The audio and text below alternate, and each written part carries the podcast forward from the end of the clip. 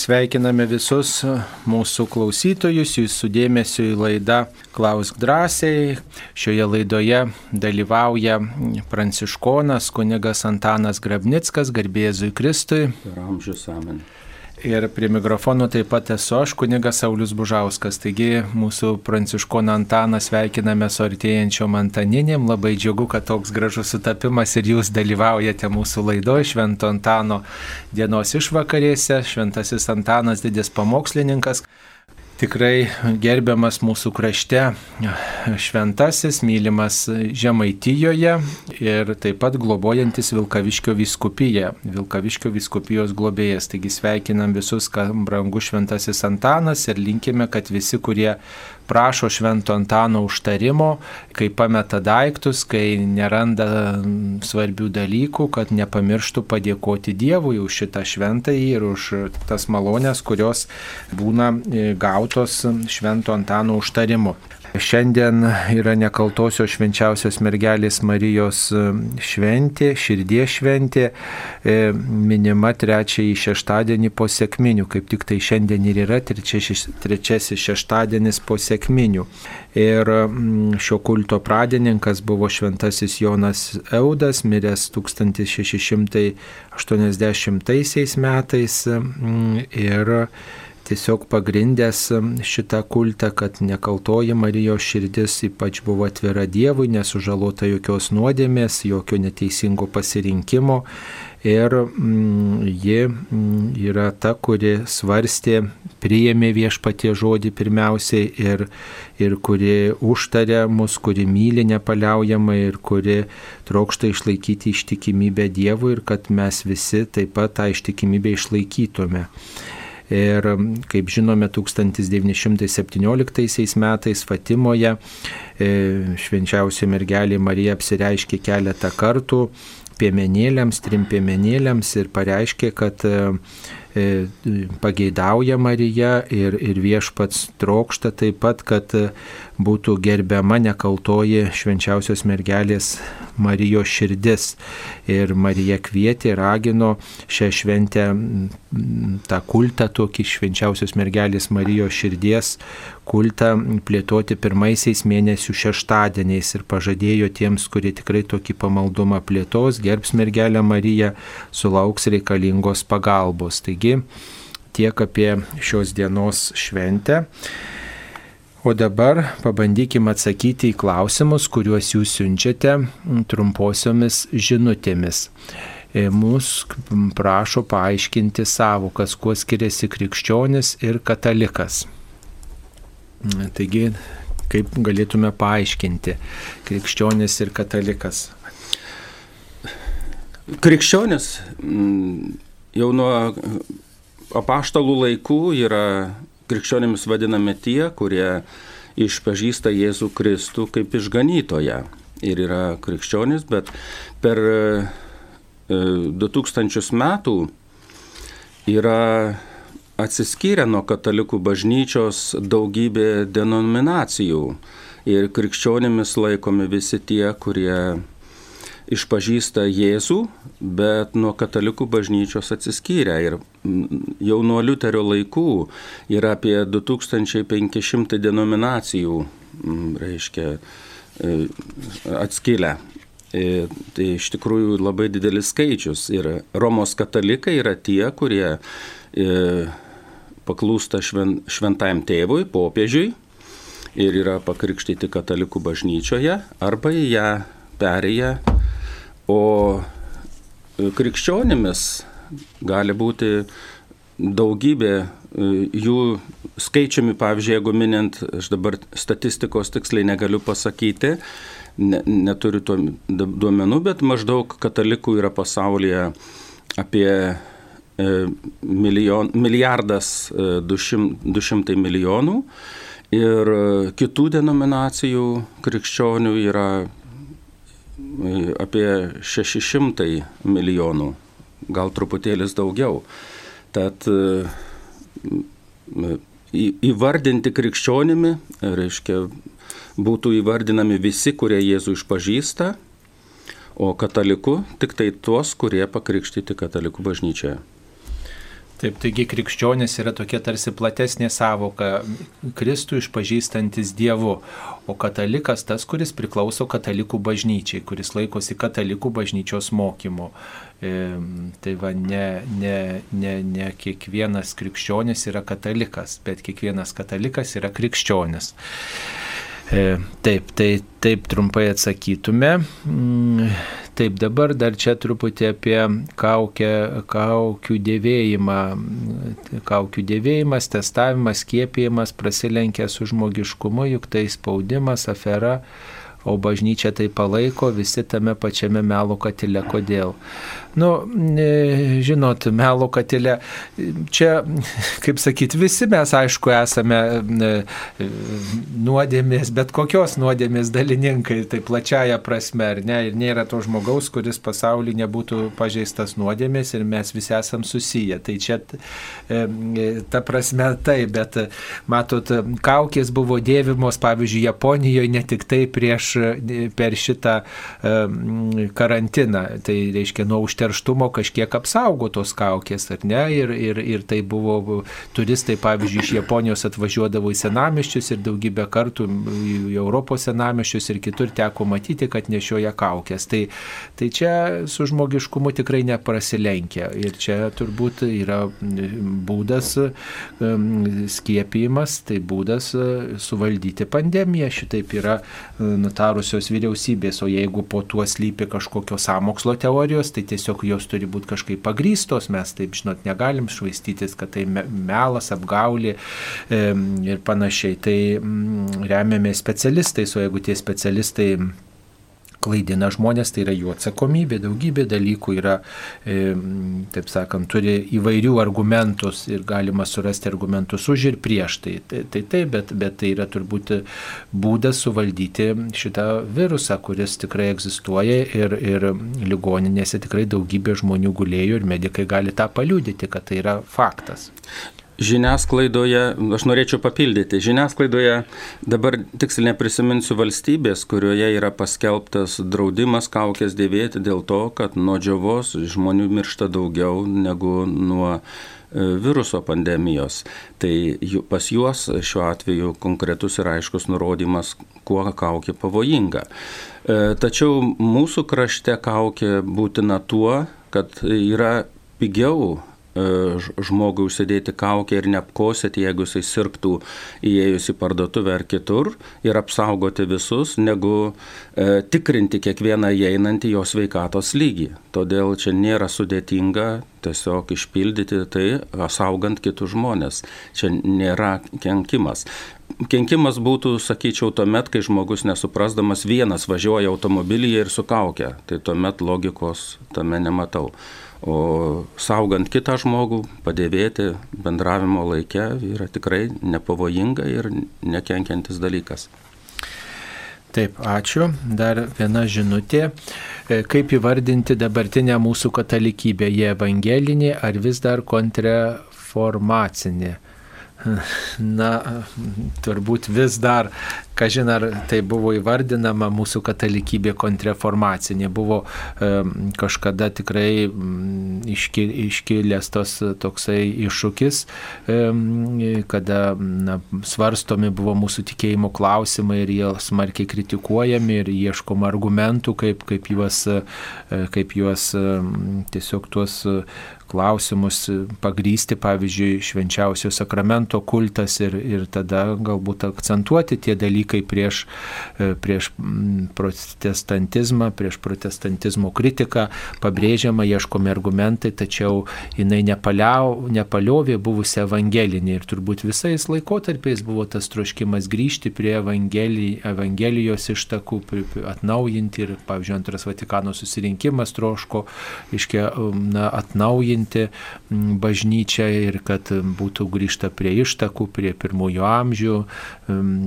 ir, ir visada tas buvo troškimas, kad bažnyčia išliktų apaštalinė, reiškia, remtųsi ant apaštalų tikėjimo, taip kaip apaštalai skelbė, kaip jie priėmė, pripažino, taip ir, taip ir mes priimame, reiškia, nes jiems Kristus perdavė šį tikėjimą. Dar gal kunigė ką pridėsit. Taip. Garbėzu Kristų turiu klausimą iš šios dienos Evangelijos. Aš niekaip negaliu įsivaizduoti, kaip tėvai eidami dienos kelią nepastebėjo, kad Jėzus neina kartu su visais ir kad vaikas Jėzus tris dienas buvo be tėvų. Turėjogi kažkas tuo pasidomėti, pasirūpinti maistu ir nakvynę. Gal galėtumėte tai pakomentuoti? Norėčiau trumpai pasakyti apie patį įėjimą. Žmogus per dieną, e, jeigu neneša svorių, gali nueiti iki 40 km ir e, kario žygis yra 50 km per dieną. E, ir dabar įsivaizduokime, jeigu nebandėte, pabandykite eiti. Jeigu jūs einate, pavyzdžiui, 5 km per valandą, o kitas būrelis eina maždaug už kilometro ir norint jį pavyti, reikia valandos laiko, kol prieisi ir tikrinti kiekvieną būrelį su prieimu neįmanoma. Čia tik tai gali tikrinimą įsivaizduoti tas, kuris nėra ėjęs pėsčiom, nes tai nėra lengva, kaip stovintį aplankyti ir apžiūrėti. Tai yra trunka ilgai, o net ir apriepti akimi ne visus gali, kai kada eini, kiek yra būrelių. Todėl tiesiog taip įvyko, nes tikėjosi, kad eina su kitu būreliu. E, be to toks dalykas, kuris mums turbūt yra šiek tiek nepažįstamas, tai yra bendruomeniškumas. Turbūt e, anksčiau žmonės buvo daug bendruomeniškesni, vieni kitus palaikydavo ir turbūt nebuvo taip, kad e, ten eitų ir vienas kitų nesidomėtų, būdami, reiškia, sustotų, sustotų ją, pailsėti ar ten nakvoti, tai turbūt tikrai vienas kitam ištiesdavo pagalbos ranką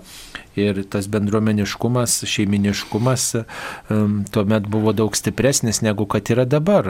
Mes gyvenam tokie, daugiau rūpinamės tik savimi, va, o ne tais, kurie eina drauge.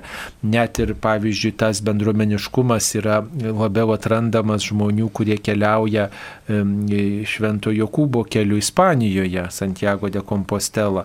E, va, štai tą maršrutą pasirenka, tai pasakoja, kad štai va, susitikę kitą žmogų ten bendraudami arba nakvinės vietose, jie tikrai pasiryžę viens kitam padėti. Tai nėra taip, kad paliko vaiką likimo valiai ir tiesi žino jisai. Tai tikrai turbūt na, buvo ta, ta tokia nuostata, kad vaikų bus pasirūpinta, jeigu jis ir yra kitame burelėje, eina su kitais žmonėmis ir nebūdavo taip, kad žmonės palikti likimo valiai, eidami kartu, eidami į piligriminę kelionę, kad jie duonos kasnio vandens šlakelio negautų ir panašiai. Tai be to, čia turbūt yra tam tikra ir simbolika, reiktų turbūt ir tokią gilesnę prasme išvelgti e, kad Jėzus eina ne tik su žmonėmis, bet kartu jis yra savo tėvo reikaluose kad jis ne tik tai yra savo šeimos narys, bet jisai išlieka visada Dievo tėvo sūnumi ir, ir tikrai tas jo atsiskirimas, pasilikimas šventykloje turi tokią teologinę prasme, kad jis visada yra ištikimas tėvui, klausosi tėvo, svarsto jo žodį, skelbia jo žodį, moko jo žodžiu kitus žmonės ir kad na, Dievas yra e, svarbesnis asmuo, reiškia, virš tų šeimininių santykių. Va, tokią prasme galėtume čia išvelgti. Ir be šio atvejo e, mes negalėtume net e, pažinti to momento, kad Jėzus nelankęs mokyklos turėjo visą dievišką išmintį, čia dieviškumo pažinimo leidimas mums visiems, kad visus kartus pažintų. Taip, dabar dar viena e, yra žinutė kuris skamba taip. E, Kauno arkikatedroje, kodėl Kauno arkikatedroje bazilikoje arkivyskupo sostas yra ties tabernakuliu švenčiausiojo vietoje. Ar vyskupas yra sulyginamas su Dievu? klausė Elena iš Kretingos. Taigi reiktų pasakyti tokį dalyką, kad mm, vadovaujantis apieigoms ganytojas atstovauja patį Kristų. Ir jisai, net jeigu įsiklausot gerai šventų mišių tekstus, patį e, tą svarbiausią, iškilmingiausią šventų mišių tekstą, tą dalį, konsekracijos tekstą, žodžius ištaria pirmuoju asmeniu, nesako, kad Jėzus bet, reiškia, sako, tai yra mano kraujas, imkite ir gerkite ir tai darykite mano atminimui. Tai reiškia, jis tuo momentu atstovauja patį Kristų, in persona Kristi, reiškia Kristaus asmenyje asmenių veikia šventose mišiuose. Taigi, vadovaujantis apieigoms vyskupas, jis atstovauja Kristų ir nėra taip, kad jis užstoja Dievą, jisai rodo į Dievą, jisai skelbia jo žodį, jisai paaiškina jo žodį. Ir e, čia turbūt tas švenčiausio sakramento įstatymas centrinėme altoriuje, tabernakulyje yra vėlesnė tradicija ir po antro Vatikano susirinkimo daugelį bažnyčių, katedrų, iš kitas celebranto sostas yra statomas pagrindinėje vietoje, reiškia centre, nes apieigų metu švenčiausias sakramentas nėra adoruojamas, bet apieigų metu, šventų mišių metu, reiškia, čia Kristus sutinkam šventose mišiuose, švenčiame jo buvimą. Ir po mišių tik tai švenčiausiasis sakramentas yra pagerbiamas, jeigu ateinu į bažnyčią, noriu pasimelsti, dega raudona lempelė ir daugelį bažnyčių, ypatingai katedrose didelėse e, arba šiaip didelėse bažnyčiose švenčiausias sakramentas nėra net saugomas pagrindinėje navoje vietoj, o kažkur šonė, šoniniai koplytėliai, reiškia ligonėms saugomas arba privačiam pamaldumui. Tai m, mm, tokia yra, mm, mums gal nepatinka, mes kitaip gal mąstytume, bet tokie, toks yra bažnyčios mokymas. Aš tai norėčiau išsakyti šiuo momentu ši, savo širdies skausmą. E, kada e, liturgijoje, šventų mišių liturgijoje, kada kunigas sėdi centre, jis visuomet, e, ar, ar tai būtų e, vyskupas, ar pats popiežius, ar kiekvienas kunigas, jis sėdi centre ir visas dėmesys yra į viešpatį Jėzų ateinantį šventosiuose mišiuose per žodį, reiškia ir per konsekraciją, būnantį su mumis ir ateinantį realiai, kad mus gydytų, guostų ir stiprintų. Ir liturgijoje yra pasakyta, kad šventų mišių metu nepriklaupiama švenčiausio sakramento pagarbinimui, o tiesiog nusilenkiama.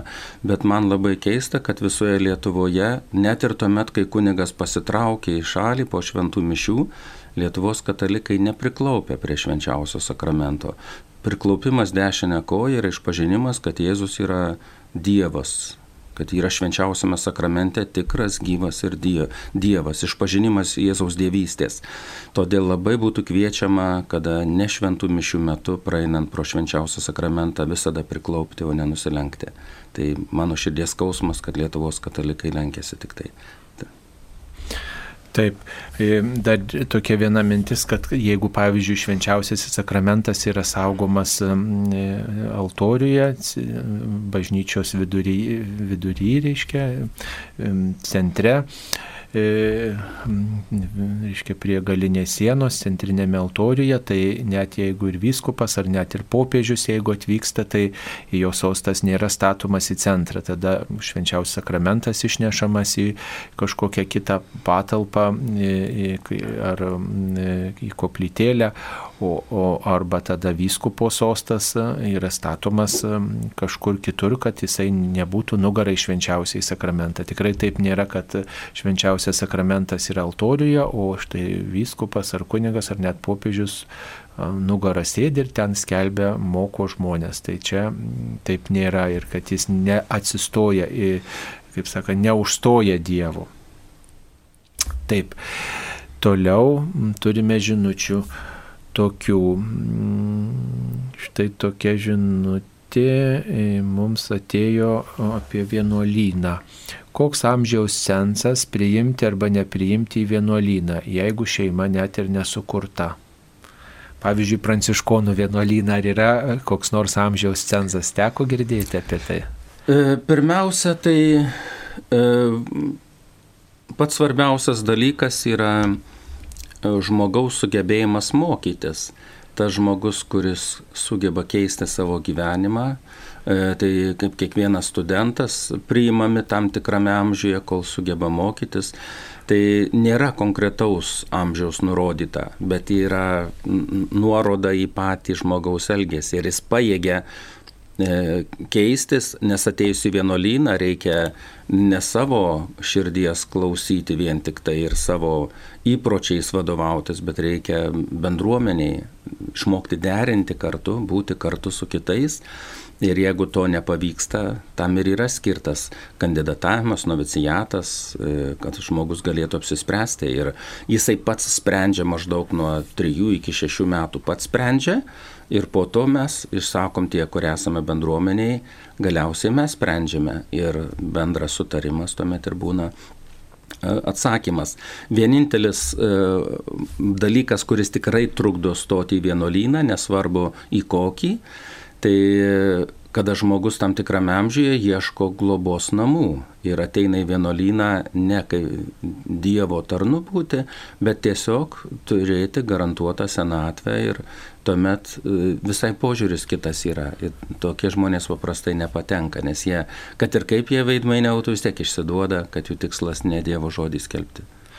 Taip, bet to turbūt kiekviena bažnyčia, kiekviena bendruomenė, vienuolinė bendruomenė, turi savo, turbūt, tokį, na, tam tikras ribas nustato pati, reiškia, ir turbūt atsižvelgia į patį kandidatą. Taip, e, e, dar viena žinutė, švento rašto ištraukos skaitomos šventose mišiuose, pagal ką jos skirstomos skaityti kiekvieną dieną. Ar kiekviena bažnyčia gali pasirinkti švento rašto ištrauką? Na, turbūt labai priklauso nuo laikotarpio, nuo, nuo, nuo dienos, kokia yra proga ir panašiai. Pavyzdžiui, jeigu yra laidutuvės e, toje bažnyčioje celebruojamos laidotuvių mišios, tai tuomet yra laidotuvių skaitinė ir, ir pati bažnyčia, kunigas turi galimybę pasirinkti skaitinius, švento rašto skaitinius iš aprobuoto, aprobuoto skaitinių knygos, pasirinkti skaitinį, Evangelijos skaitinį ir taip pat pirmąjį ar antrąjį skaitinį. Tai tikrai ta galimybė yra. Kai, kaumi, kai kuriomis dienomis taip pat tokia galimybė pateikta, nes yra keli skaitiniai parinkti kai kurioms dienoms. Taip, o šiaip tai yra parengta visai bažnyčiai tam tikras kalendorius ir skaitomi yra ištraukos pagal visuotinės bažnyčios kalendorių. Taip pat vienuolynai turi tą tokią privilegiją, jeigu jų yra kažkoks šventasis minimas, to, to, to vienuolyno, tik tai tam vienuolynė gerbiamas šventasis, tai jie taip pat turi galimybę pasirinkti, jeigu ten nėra kažkokia iškilmė visuotiniai bažnyčioje minima. E, taip, tai žodžiu, maždaug yra visuotinės bažnyčios skaitiniai sudaryti pagal tam tikrą kalendorių ir, ir tos tvarkos bendrai laikomasi.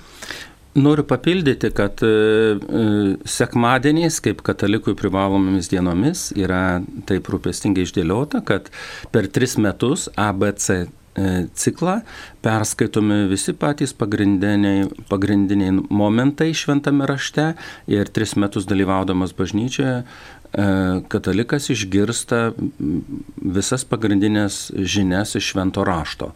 Va, ir kas trys metai tie tekstai kartojasi.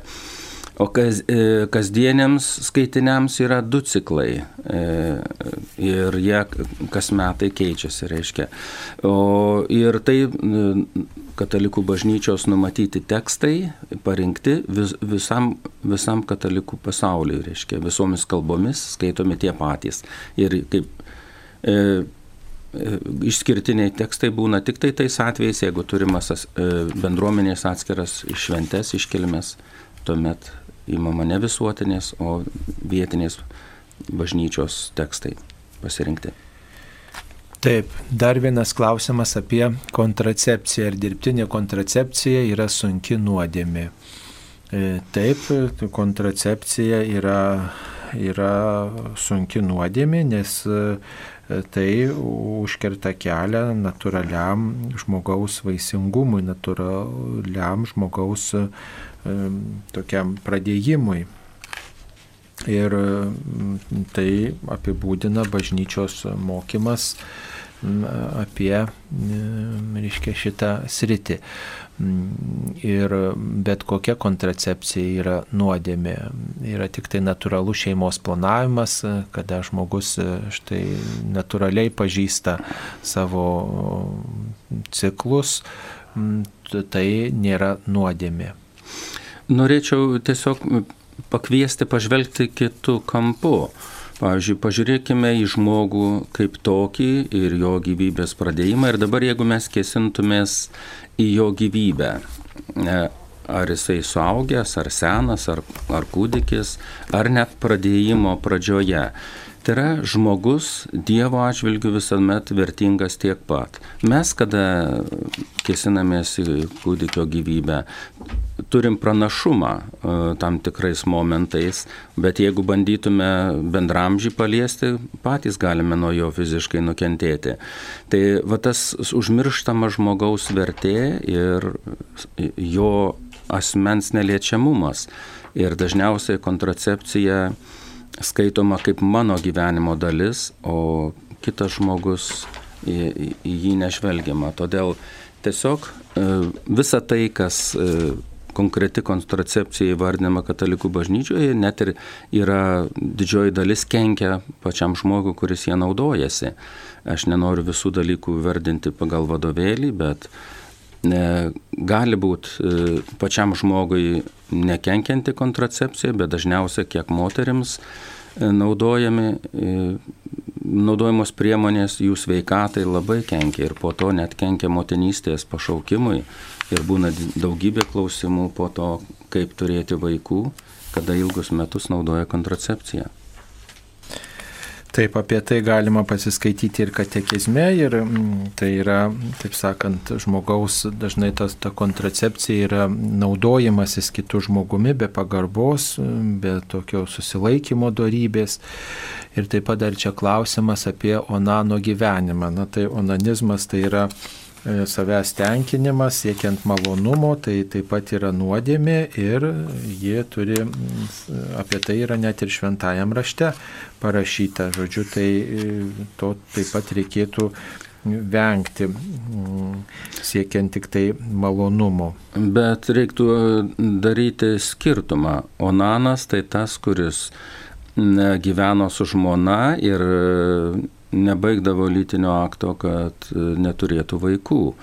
O žmonės kartais onanizmu vadina masturbacija. Tai yra visiškai skirtingi e, terminai ir paprastai masturbacija užsieima vienas žmogus, onanizmas yra poros naudojimasis, kad neturėtų vaikų. Taip, dabar dar viena žinutė apie sandora. Ši taurė naujoji sandora mano kraujyje. Čia ištrauka e, pacituoja iš Luko Evangelijos 22 skyriaus 20 eilutės, kad Jėzus per paskutinę vakarienę paėmė taurę sakydamas, ši taurė yra naujoji sandora mano kraujyje, kuris už jūs, už jūs išliejamas. Paaiškinkite jo esmę, taip pat kas yra Dievo naujasis testamentas žmogui. Taigi sandoros toks apibūdinimas reiškia, mm, aš būsiu jūsų dievas, o štai šie žmonės bus mano tauta, kaip rašo mm, Jeremijas. E, taigi naujajame testamente Sandora tai yra ta naujo, naujasis sandėris, ryšys su žmonėmis, kuriuo viešpats įsipareigoja būti e, mūsų visų gelbėtojų. E, ir jo sandora, Naujojo testamento sandora, Dievo sandora Naujajame testamente aprašyta, remiasi Jėzaus mirtimi. Ir Jėzus per paskutinę vakarienę tą sandorą e, išreiškė, o įgyvendino mirdamas ant kryžiaus. Ir E, tiesiog ta naujoji sandora e, viršyje visas tas ankstesnės buvusias, išpildo, įgyvendina, e, nuodėmių atleidimą dovanoja ir visišką klusnumą Dievui. Dėl to mums yra tokia jinai brangi, nes jinai remiasi Jėzaus Kristaus mirtimi ir prisikėlimu, mirtimi už mūsų visų nuodėmes. Dar gal ką pridėsite, kunigė? Sandora tai yra sutartis ir na, išrinktoji tauta, kaip ir prie Mozės, kada Dievas per Mozę klausė tautos, ar pasižada laikytis viešpaties nuostatų ir visa tauta e, atsiliepė taip ir tuomet jie buvo paukotas veršelis, reiškia ir veršelio kraujo apšlakstyta tauta, pusė kraujo buvo išpiltant aukuro, o kita pusė buvo apšlakstyta tauta. Tai yra sudaryta sutartis, kad žmonės laikytųsi Dievo įsakymų. Ir sulaužimas sandoros, reiškia, yra atsižadėjimas tai, ko prisiekė. Ir ta sandora buvo perkeista viešpaties Jėzaus, kadangi visuotinai tauta jau nebesilaikė e, paklusnumo Dievui, net pažino išganytojo atėjusio Ir mes turime naują sandorą, kurią Jėzus sudarė, išlėdamas savo kraują. Ir mes visi esame pašventinami Jėzaus žaizdomis ir jo krauju. Mes gydomi, pašventinami ir visi, kurie priimame e, viešpati Jėzų su jo mokymu, mes esame naujos sandoros dalininkai, į, kurią, į tą bažnyčią į sandorą įsiliejame per krikštą. Taip, dar e, panašus klausimas susijęs su tas rytimi, kodėl Dievui reikėjo krūvinos Kristaus aukos ant kryžiaus, kad būtų atleistų žmonių nuodėmės. Ar Dievas pasiuntė savo sūnų ir pats savo jį paukojo, o gal žmonėms jį paukojo, kam tokia auka, kam šio laikiniam žmogui reikėtų visą tai suprasti, kaip tai suprasti. E, šita auka tai nėra, kad Dievui jos reikėjo. Tai yra tiesiog e, e, Dievo meilės parodymas žmogui, kiek kainuoja nuodėmė, nukrypimas nuo Dievo kelio. Tai yra ne aukos reikėjo, bet žmogui sugražinti. Viešpats Jėzus rodo savo meilę mums, kad mes pamatytume, jis ne, ne, ne, neįtakoja mūsų laisvos valios, neverčia, bet kviečia ir nori, kad mes kryžiuje pamatytume jo meilę.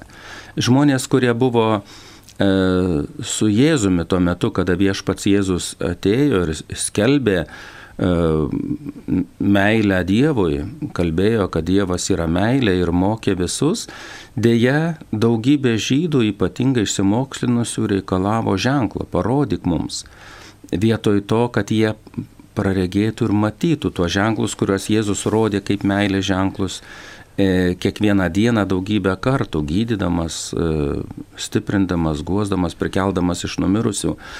Ir e, mūsų laikais tas pats. Mes galime norėti ženklo, kad mums parodytų, o iš tikrųjų reikia prašyti Dievo malonės, kad praregėtume ir pamatytume tuos ženklus.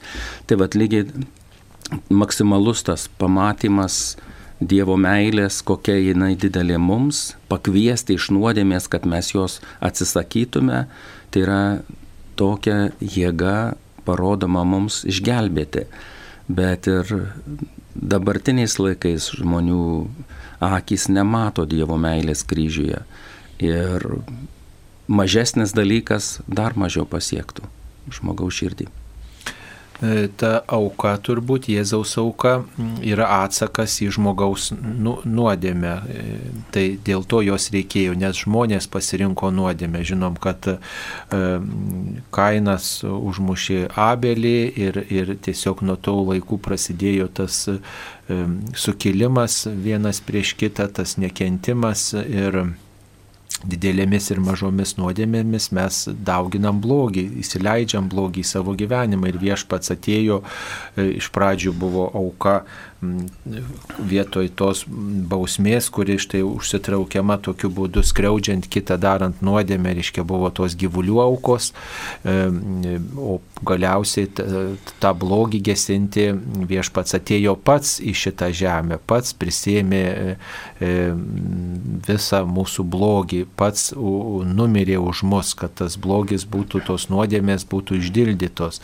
Ir pats Jėzus yra sakęs, apie tai skaitom Jono Evangelijoje, nėra didesnės meilės, kaip gyvybę už draugus atiduoti. Tai yra Dievo meilės apstumas, kad jis pasiaukoja už mus. Jo yra atsakas į žmonijos nuodėmę, kad, nieka, kad piktasis negalėtų mūsų kaltinti, kad mūsų nuodėmės nenuvestų mus į, į mirtį, į pražūtį. Tai štai viešpats pats pasiaukoja. Neužtenka tų aukų, kurios tuo metu štai žmogų, žmogų išlaisvina, galbūt nuramina ir panašiai, bet, bet yra paties Dievo auka paties Dievo auka, jis pats save paukoja už mus, blogis užgesina tokiu būdu. Norėčiau įsiterpti dar truputėlį, e, pažvelkime truputėlį kitų kampų į pačią auką, ne kaip e, Dievo aukojimą, bet kaip kovą su blogiu, su nuodėme. E, žmogus nuo Jėvos ir Adomo laikų išmoko klausyti gundytojo labiau negu Dievo. Ir prabilti Dievui į žmogų Mm, reikia ieš, Dievui ieškoti būdų, kaip į mus prabilti. Ir viešpats Jėzus ateina mokyti mus meilės visuose tuose dalykuose, kas atsirado, e, kaip e, Jėzus sako, Dievas nekūrė nei kančios, nei mirties. E, reiškia, atsirado kančia ir mirtis per šietono pavydą. Va ir tą kančią nugalėti, kuri ateina iš šietono, reikalinga kantrybė ir Jėzus ateina mokomus meilės ir šetonas visus žmonės pavaldžius jam nukreipia prieš meilę, kad ją nužudytų. Ir Jėzus įrodo, kad jo širdie meilė yra didesnė už žmonėse, piktosios dvasios, išugdytą nepykantą, kuri žaidžia Jėzų. Ir Jėzus miršta ant kryžiaus, mylėdamas mus ir tokiu būdu nugali šėtoną. Tai čia reikia matyti tą auką. Ne kad pats aukojimas, bet pergalė, laisva valia nugali šėtono nepykantą, žmonių širdis užvaldžiusią nepykantą norą žudyti, pats atiduodamas save ir tuo pačiu viešpats Jėzus pašventina kitų, visų mūsų kitų žmonių e, kančią. Me, jinai per Jėzaus kryžių tampa palaiminimu. Iki to jinai buvo tik tai mirties ženklas. O dabar mes turime kaip gyvybės ženklą. Jėzus Adomas prisilietė prie gyvybės medžio ir atnešė mirtį. Jėzus prisilietė savo meilę prie mirties medžio ir atnešė mums gyvybę. Taip, e, dar viena žinutė apie Jėzaus prigimtį. Monofizitai sako, kad Jėzus buvo tik Dievas, antitrinitoriai ir arijonai, kad tik žmogus, e, jie irgi krikščionis, jūs sakote, kad buvo dievažmogis, kuriuo iš jūsų tikėti, kokiais faktais jie remiasi, nes tik faktas yra tiesa. Kai sužinau, tai ir patikiu. Na, mes tikime, kad Jėzus buvo tikras Dievas ir tikras žmogus. Tai jo, jo gyvenimas tą paliudyje, štai mes remiamės apaštalų liudijimu, atliktais Jėzaus darbais. Niekas negalėjo prisikelti iš mirties, niekas negalėjo atlikti tokių stebuklų, kuriuos jis padarė kitiems žmonėms ir niekas nedovanoja to amžino gyvenimo, taip kaip Jėzus tą gali padaryti. Ir jo, jo dievystė ir žmogystė tiesiog jo gyvenime pastebimi. Tai tuo mes tikime ir tai, tai perdavė paštalai, mes tai priėmėm. Ir tai daugybę kartų buvo svarstyta bažnyčios istorijoje ir kad Jėzus tik tai Dievas, tai e, buvo tokia nuostata atmesta, nes ir žmogystė jo yra akivaizdi, kad jis ir alko, ir troško, ir vargo, ir kentė, ir skausma, ir, ir, ir, ir liūdnas buvo jam visos tos emocijos, kurias mes išgyvenam, yra pažįstamos ir jis gali, kartu su mokiniais buvo ir daugeliu žydų tai buvo kliūtis, kaip gali daryti tokius ženklus, štai šitas asmuo, kur, kurį visi mato, pažįsta, žino jo, jo, jo šeimą. Taip pat ir, o kad jis tik žmogus buvo, taip pat negalima to sakyti, nes joks žmogus nebūtų tokių ženklų padaręs, kokius padarė Jėzus. Tai čia bažnyčios susirinkimai tai jau yra išsprendę. Ir Jeigu mes žvelgsime į viešpatį Jėzų kaip Dievą, tuomet nei vienas iš mūsų negalėtume sakyti, kad Jėzus gyveno mūsų gyvenimą ir jisai žinojo, ką reiškia alkti, trokšti, kentėti, kitų nepykantą. E, jeigu mes pripažinsime, kad jis tik žmogus, tuomet e, kaip jis prisikėlė iš numirusių. Taigi viešpatie Jėzuje yra žmogiška ir dieviška prigimtys viename ir tai mes tikėdami ir išliekame jo mokiniai. Taip, ar krikštyti gali žmogus nepriėmęs sutvirtinimo sakramento? Čia turbūt norima pasakyti, gali būti krikšto tėvu, nes krikštė paprastai e, kunigas, diakonas, e, o O štai, aišku, turbūt kritinių momentų, kai nėra kam pakrikštyti, ligoninė, kai yra mirties pavojus, gali krikštyti būti net ir tas žmogus, kuris yra visiškai netikintis. E, e, jeigu. Taip, jeigu atlieka tai, ką moko bažnyčia ir ištaria teisingus žodžius, gali pakrikštyti mirties pavojuje bet kas bet kuris žmogus, kuris nori laikytis bažnyčios mokymo ir teisingai atlieka patį veiksmą. Taip tris kartus užpila vandens ir ištarė, aš tave krikštyju vardan tėvo, sunaus ir šventosios dvasios. E, tai e, čia turbūt e, nori klausti, ar gali būti krikšto tėvu žmogus neprieimė sutvirtinimo sakramento ir būti sutvirtinimo sakramento tėvu. E, dėl paties e, krikšto tėvo ar motinos bažnyčios reikalavimas yra labai svarbus, e, kadangi pats buvimas globėjų nereiškia medžiaginio aprūpinimo. Labai daug dabar šeimų yra, kurių tėvai negali gyventi sakramentiniai maloniai dėl vienokių ir kitokių priežasčių ir jie gyvena kartu ir nori gyventi kartu.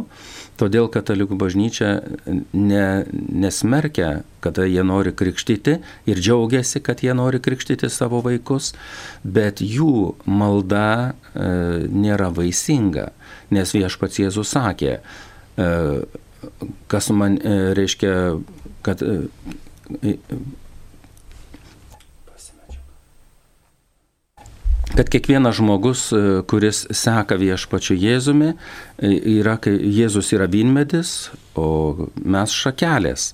Ir atsiskyrusi šakelė nuo vynmedžio neduoda vaisių, taip ir mes atsiskyrę nuo jo e, nieko negalime. Tai reiškia dvasinė globa reikalinga kiekvienam kūdikiui lydėti per gyvenimą.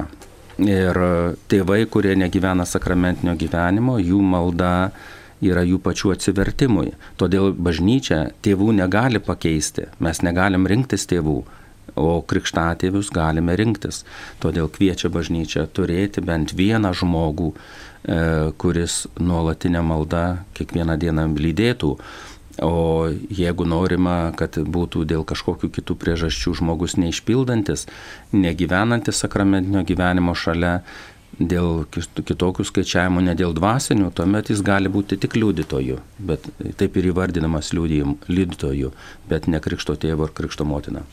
Tai po sutvirtinimo sakramento tėvų tai tikrai e, turėtų būti tik tai tas, kuris prieėmęs sutvirtinimo sakramentą, tai reiškia ir pakrikštytas, ir yra tokio pavyzdingo gyvenimo žmogus, tai e, ir ne tik tai kartais gudrauja žmonės, kad štai nėra ką pasirinkti, na tai pasirenka draugą, kuris toj pačioj šventėje priima sutvirtinimo sakramentą, o tada pribėga ir štai tampa tėvu e, ar mama e, tokiu būdu, va, sutvirtinimo to globėjų, uždeda ranką ir, ir va, tokiu būdu paliudyja, kad e, štai aš esu to žmogaus sutvirtinimo sakramento tėtis ar mama.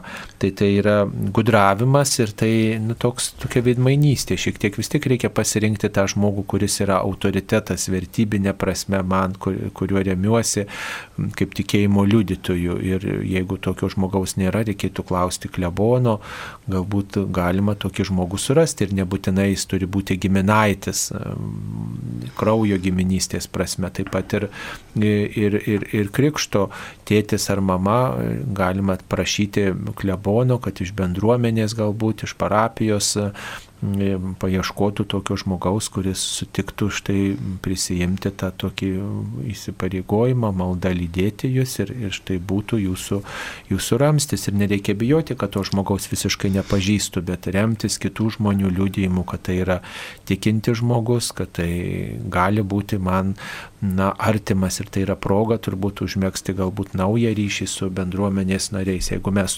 nepažįstame savo aplinkoje, kuris būtų prieimęs sutvirtinimo sakramentą ir galėtų būti krikšto mama ar krikšto tėčio. Kiti žmonės nori, kad turi būti giminaitis, turi būti brolis, teta ar ten, ar, ar kažkas, kas, kas man tai artimas, tai va tik tai jis gali būti krikšto tėvu. Nesvarbu, kad jis ten gyvena nelabai krikščionišką gyvenimą ir neprieimė nuodėmės e, sakramentų, bet tai yra dvasinė, dvasinė prasme reikalingas žmogus, kuris būtų man ramstis, autoritetas, ženklas toksai mano gyvenime, e, pavyzdingo žmogaus. Vat, ne, ne, ne kraujo giminystė čia svarbi, bet ta dvasinė giminystė svarbi ir tas dvasinis e, ramstis žmogus turi būti tokiu ženklu mano gyvenime kitas žmogus. Norėčiau dar e, priminti dar vieną aspektą, tai kada sutvirtinimo globėja renkasi sutvirtinamasis, jis jau paprastai būna saugęs jaunuolis nuo 15 metų, e, tuomet renkasi globėja ir paprastai merginai reikali, katalikų bažnyčia kviečia rinktis moterį, vaikinui vyrą. E, tačiau e, turėtume neužmiršti, kad yra dar geriau rinktis vieną iš krikštatėvių. Ir tuomet nesvarbu, kuris vienas iš jų ir pratesti tą dvasinę globą nuo krikšto ir toliau po sutvirtinimo sakramento. Tai tą turėtume prisiminti, nes dvasinė globa pratesiama yra labai svarbi. Taip, mums paskambino, kasgi mums paskambino? Arvidas iš Kauno. Taip, Arvidai, klauskite garbėjai Zikristai. Per amžius. Jam garbėjai. Norėjau paklausti apie komunizmą.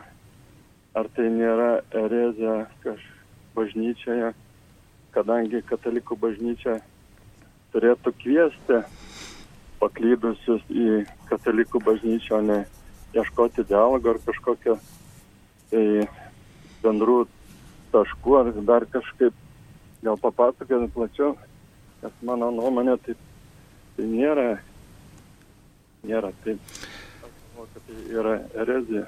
Nereikėtų taip e, kategoriškai sakyti, kad yra erezija. Tiesiog pirmiausia turėtume neužmiršti, kad e, katalikų bažnyčia kviečiame naudotis konsensusu. E, ne kompromisu, nes kompromisas yra išsižadėjimas tam tikrų savo tiesų, savo nuostatų ir prieimimas bendro sprendimo mažiau skausmingo vienam ar kitam. Katalikų bažnyčioje turėtume mes gyventi priimdami konsensusą, tai reiškia, kad e, nieko neišsižadėdami surastume kelią, kuris jungia ir padeda būti kartu. Todėl ir ekumenizmas yra mokymasis būti kartu, nes vis tiek išpažįstama tą patį e, mokymą, kurio viešpats moko, tik tai dėl vienokių ir kitų nuklyp, nesutarimų tam tikram istorijos laike e, įvykusių, bet dabar mes neturim pagrindo nesutarti ir todėl ieškoma vienybės. Juk e, net ir melžiamasi e, katalikų bažnyčioje, kad visi krikščionys taptų vieną bažnyčią vieną. Kaip ir Jėzaus širdyje, vienoje širdyje turėtume jungtis visi. Na ir tas dialogo turbūt ieškojimas, tas vienybės siekis yra, yra e, turbūt svarbus e, žmonėms tokia brolystė skatinant ir popiežius Pranciškus net ir dokumentą išleidęs yra apie tą brolystę. Mm, tai čia yra žmogiški tie nesutarimai, skirtingi požiūriai, o juk žinom, kad krikščionybė kadaise buvo tokia vientisa ir tie skilimai yra istorijoje įvykę. Štai apaštalai nebuvo suskilę, jie perdavė vieningą tikėjimą.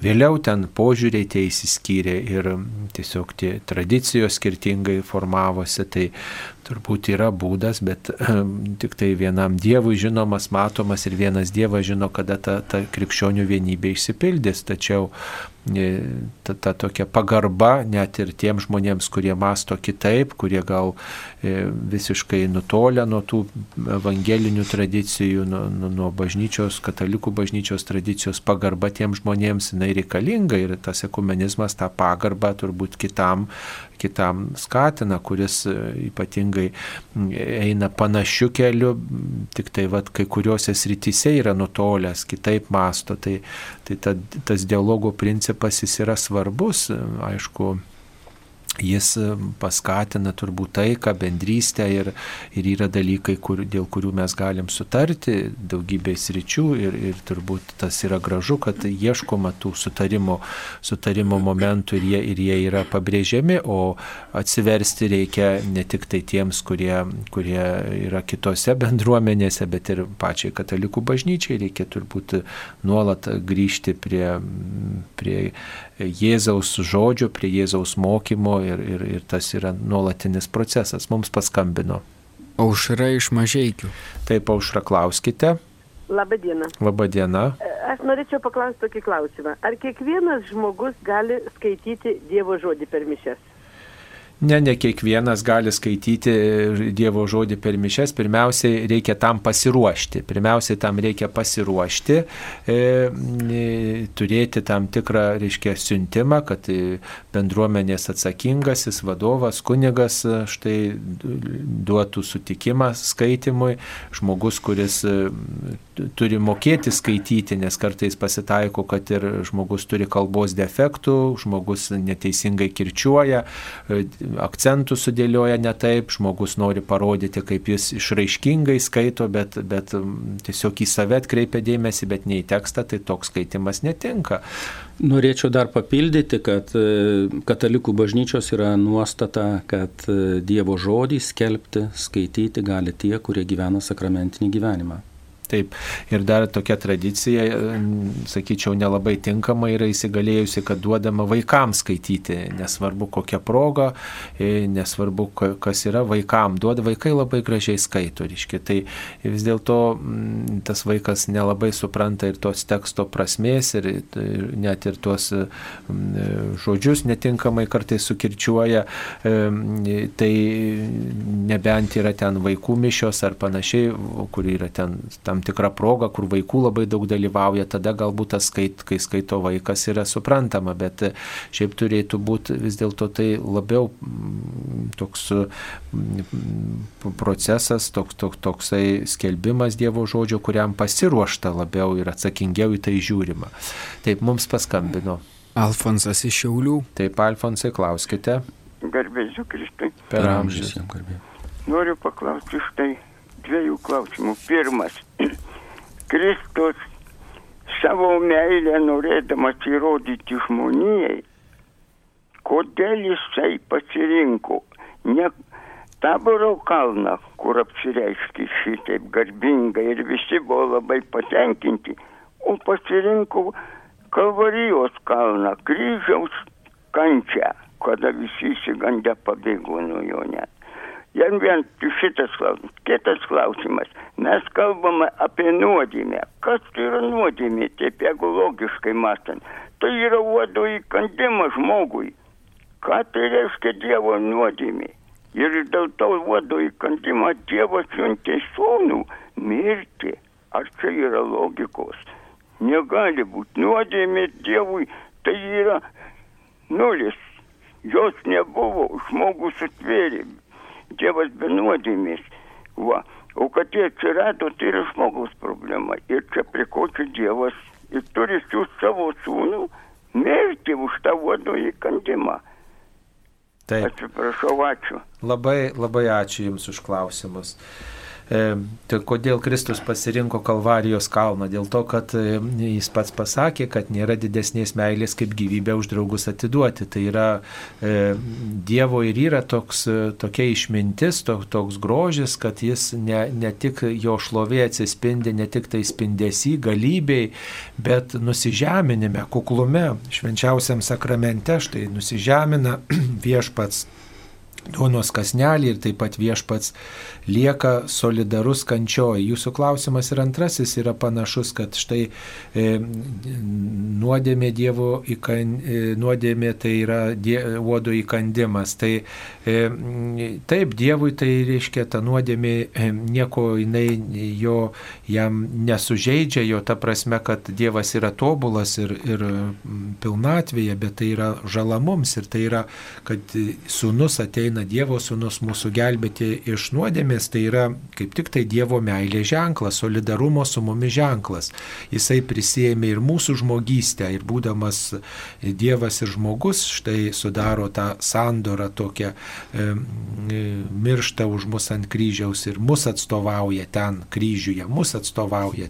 Mes turime kaboti ant kryžiaus, mes turime atsakyti už savo blogį. Kai pagalvoju, jeigu reikėtų atsakyti už visas padarytas nuodėmės, tai kas tą galėtų padaryti ir kas galėtų išlikti štai matydamas, kiek jo padarytas blogis atnešė žalos, bet čia Dievas ateina į pagalbą mums, gelbėti ateina, Dievas yra gelbėtojas žmonijos. Reiktų pirmiausia neužmiršti, kad Dievas žmogui e, dovanojo laisvą valią, tai yra suteikimas laisvos valios yra prilyginimas savo.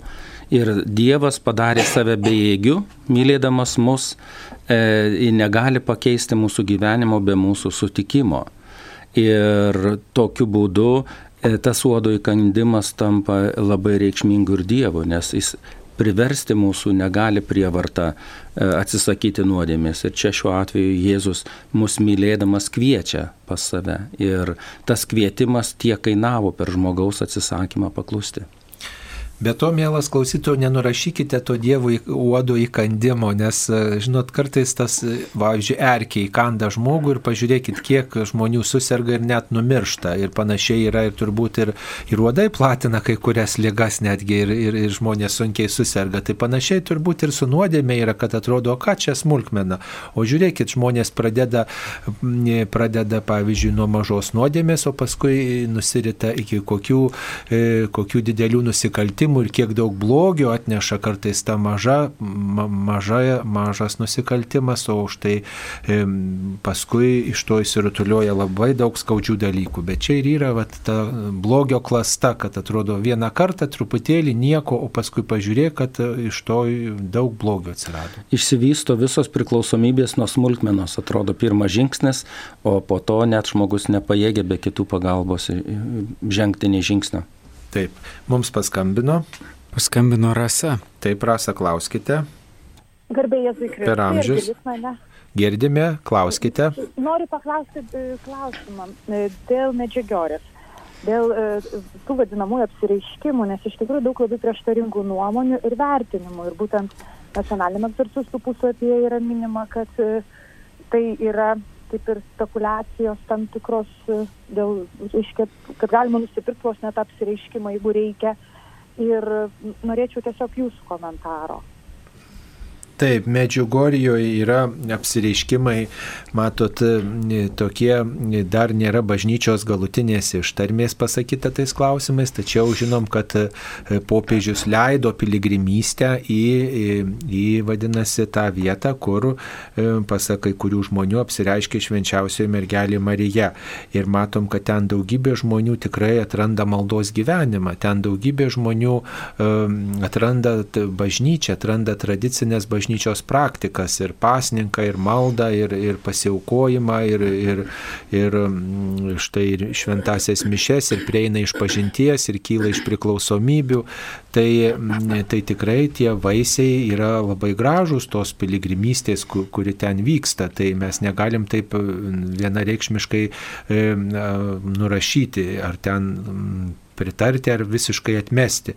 Tai tiesiog mes priimam, kad yra štai reiškinys, kuris iki galo dar nėra mūsų pažintas, bažnyčia dar laukia, tyria visą tą procesą, kas ten vyksta, nes tie apsireiškimai po truputį tęsiasi įvairiems žmonėms. Ir Ir tiesiog mes laukiam galutinės bažnyčios ištarmės, o štai vyksta po truputį tos piligrimystės ir ten vyksta žmonės ir e, bažnyčia pritarė e, tam, štai, tam procesui, kai, kai nėra prieštaraujama bažnyčios mokymui ir kai žmonės ten švenčia mišes, kai eina iš pažinties, kai švenčia sakramentus, kai atranda tikėjimą. O ten įvairūs tokie dalykai, kad ten galima, kaip jūs įvardinote, ar nusipirkti, ar ten kažkokie prieštaringi tie tie tekstai, na, jie dar laukia atskiro tyrimo, bet e, visa tai, kas, e, kas vyksta tokio teigiamo, kas, kas pagal bažnyčios mokymą, tas duoda gražių vaisių. Tai turbūt daugelį dalykų yra tam tikro tokio sumaišymo ir turbūt turim bandyti išgrininti.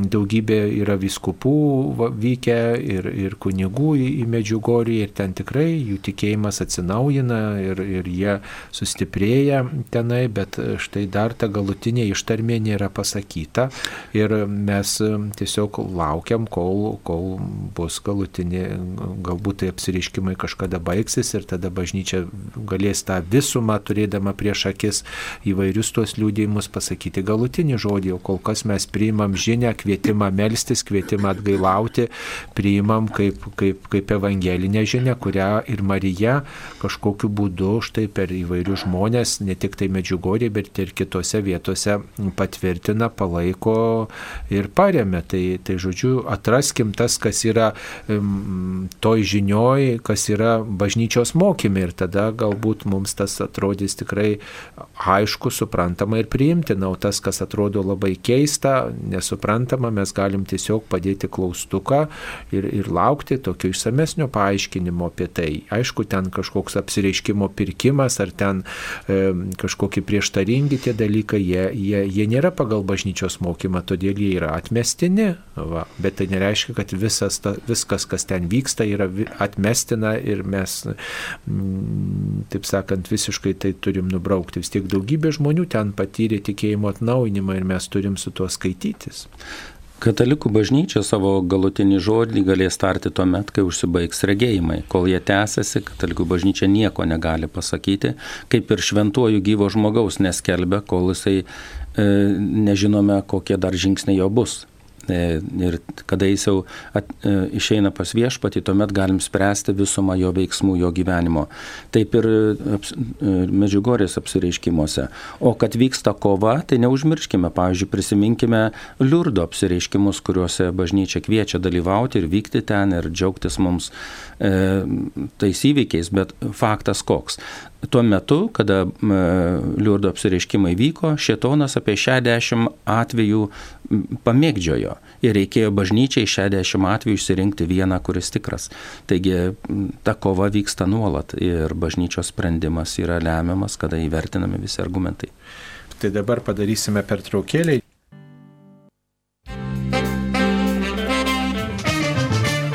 Čia Marijos radijas. Vatikano radio žinios trumpai.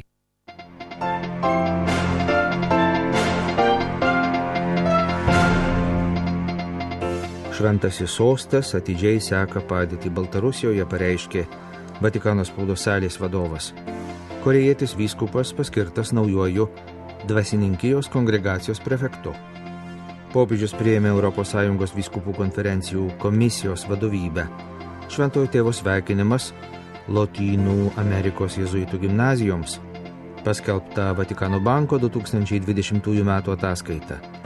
Tarptautinių katalikų asociacijų ir judėjimų vadovų mandatas negalės trukti ilgiau kaip 10 metų, sakoma Vatikane penktadienį paskelbtame dekrete.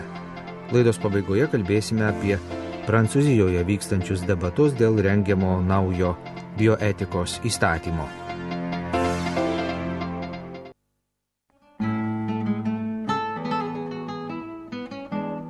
Mėly Marijos radio bičiuliai, šį savaitgalį kviečiame išgyventi bendrystę, saugiai susitinkant su Marijos radio savanoriais šiuose šventovėse. Birželio 12 dieną šeštadienį Marijampolės Švento Arkangelo Mykolo bazilikoje.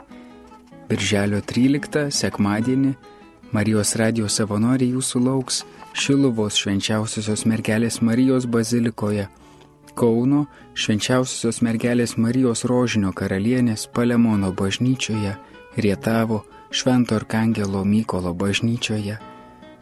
Susitikime ir Šventojo Antano atlaiduose Zarasų švenčiausiosios mergelės Marijos ėmimų į dangų bažnyčioje, Seirijų švenčiausiosios mergelės Marijos škaplierinės bažnyčioje, Troškūnų švenčiausiosios trejybės bažnyčioje, Kretingos viešpaties apreiškimo švenčiausiai mergeliai Marijai bažnyčioje, kur Šventojo Antano atlaidai vyksta Birželio 12 ir 13 dienomis. Birželio 13 ir 14 dienomis, kai Šedorių Kristaus atsimainimo katedroje vyks palaimintojo Teofiliaus Matulionio minėjimas, Marijos radijos savanoriai jūsų lauks ir ten. Malonių susitikimų, padarykime savo širdis panašias Jėzaus širdį.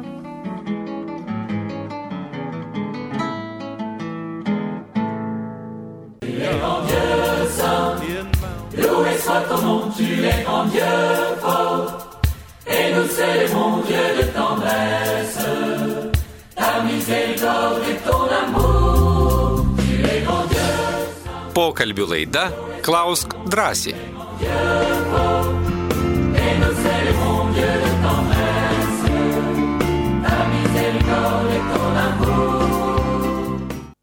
Taip, mėly Marijos radio klausytojai, tęsime laidą Klaus drąsiai. Ši, ši laida yra tiesioginė.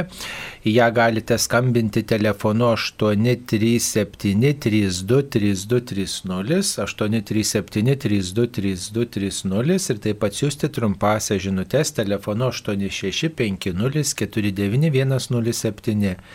Galite siūsti trumpasias žinutės telefonu 865049107. Šiandien šioje laidoje dalyvauja e, kunigas Pranciškonas iš Kauno Švento Jurgio bažnyčios, kunigas Antanas Grabnickas.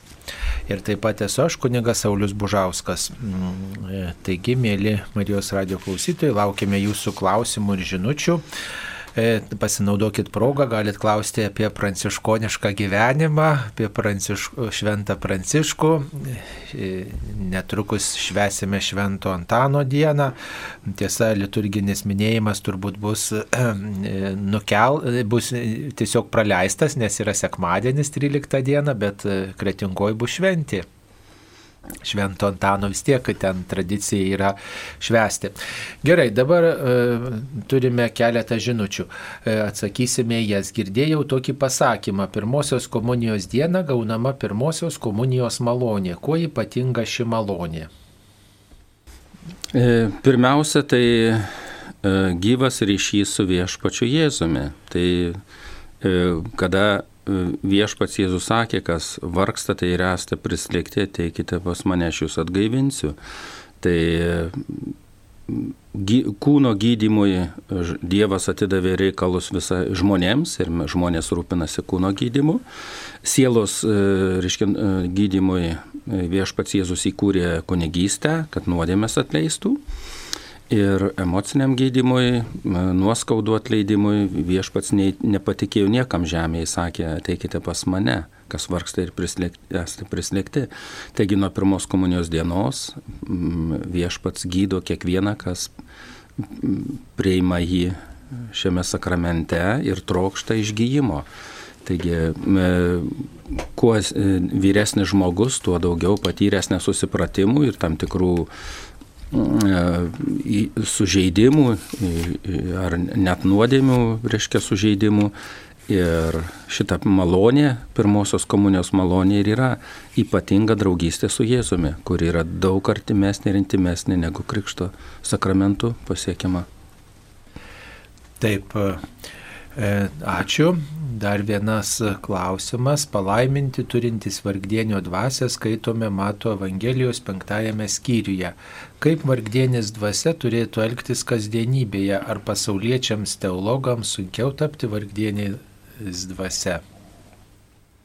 Na tai tas vargdienis dvasia, kuris ne savimi pasitikė, ne savo išmanimu, ne savo žiniomis, patirtim, bet kuris visą ko tikisi iš Dievo, kuris e, nors ir naudojasi savo patirtimi, savo žiniomis, bet vis tiek jisai žino, kad tai yra Dievo dovana, kad viešpats yra visako šaltinis ir davėjas ir tikslas. Aišku, kad e, įsilavinusiam žmogui yra pavojus vis dėlto pasiduoti e, puikybei, e, savo proto, tokiam savo patirties gal tokiam kultui, reiškia, kad aš žinau, aš matau, aš suprantu ir, ir sunkiau gal kartais priimti ir tą e, tokį tokia, tokia, kito pamokymą, kito nuomonę, pavyzdžiui, mokytojams e, ar kunigams, ar, ar kitiems žmonėms, kurie štai moko kitus, ugdo kitus, kartais sunku priimti pamokymą, patarimą, pa, pa, reikia tokio nuolankumo. Ir čia ir yra ta tokia vargdienio dvasia.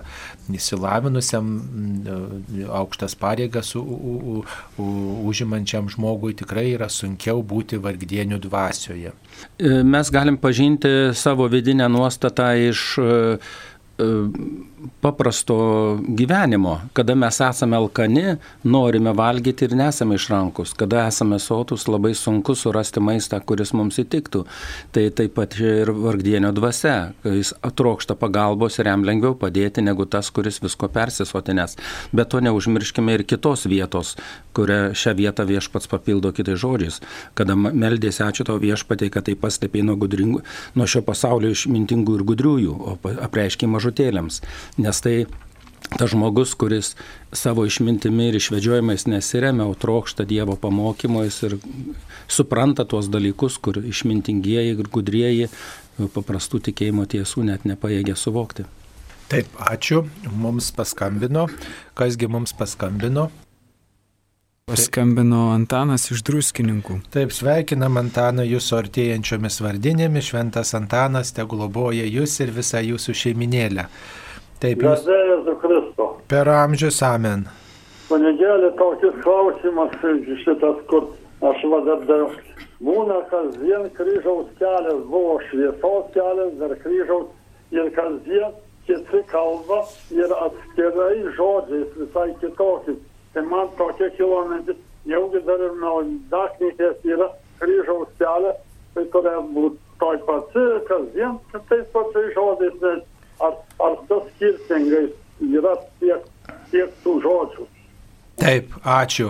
Gali būti kryžiaus kelias apmastomas skirtingais žodžiais. Net jau yra senosios tradicijos, yra vadinamas pranciškoniškas kryžiaus kelias, kur apmastoma 14 kryžiaus kelių stočių ir yra domininkoniškas, kur dvigubai daugiau apmastoma kryžiaus kelio stočių. Tai jau ta senojinė tradicija e, šitą leidžia. O šiaip tai galime mes ir savai žodžiais apmastyti kryžiaus kelią ir pasinaudoti įvairių šventų žmonių, švento gyvenimo gyvenimo žmonių mąstymais ir įvairiai praktikuoti tą pamaldumą. Svarbiausiai staptelti ties Kristaus kančios istoriją. Vat ir, ir šitas pamaldumas Marijos radijoje atgaivintas prisiminus šventai Faustinai Jėzaus ištartų žodžius, kad kasdien 15 val. jei gali aplankyk koplyčią prie švenčiausio sakramento pasimelsk, jei negali, bent mintimis tą padaryk ir tada apmastyk mano kryžiaus kelią, ką aš dėl žmonijos iškentėjau. Kas netikite, galite atsiversti Faustinos dienoraštį 1572 numerį ir rasite šitus žodžius, šitą pakvietimą apmastyti Kristaus kryžiaus kelią. Taigi mes norime atgaivinti šitą, šitą paprotį, šitą tradiciją. Štai Velykų laiku tokį pakankamai naują pamaldumą, reiškia, pristatėme, apmastyti šviesos kelią, taip pat galima daryti įvairiais e, būdais. Tai tiesiog prisiminti įvykius, kurie vyko po prisikėlimo, tokius kertinius įvykius. Ir ypatingai šitą pamaldumą puoselėje Tiberiados bendruomenė, e, broliai, kurie gyvena Baltriškėse, Zarasų rajone, esančiame vienuolynė, tą iškia tokį džiaugsmingą prisilietimą prie Jėzaus istorijos ir ypatingai e, staptelti ties jo e,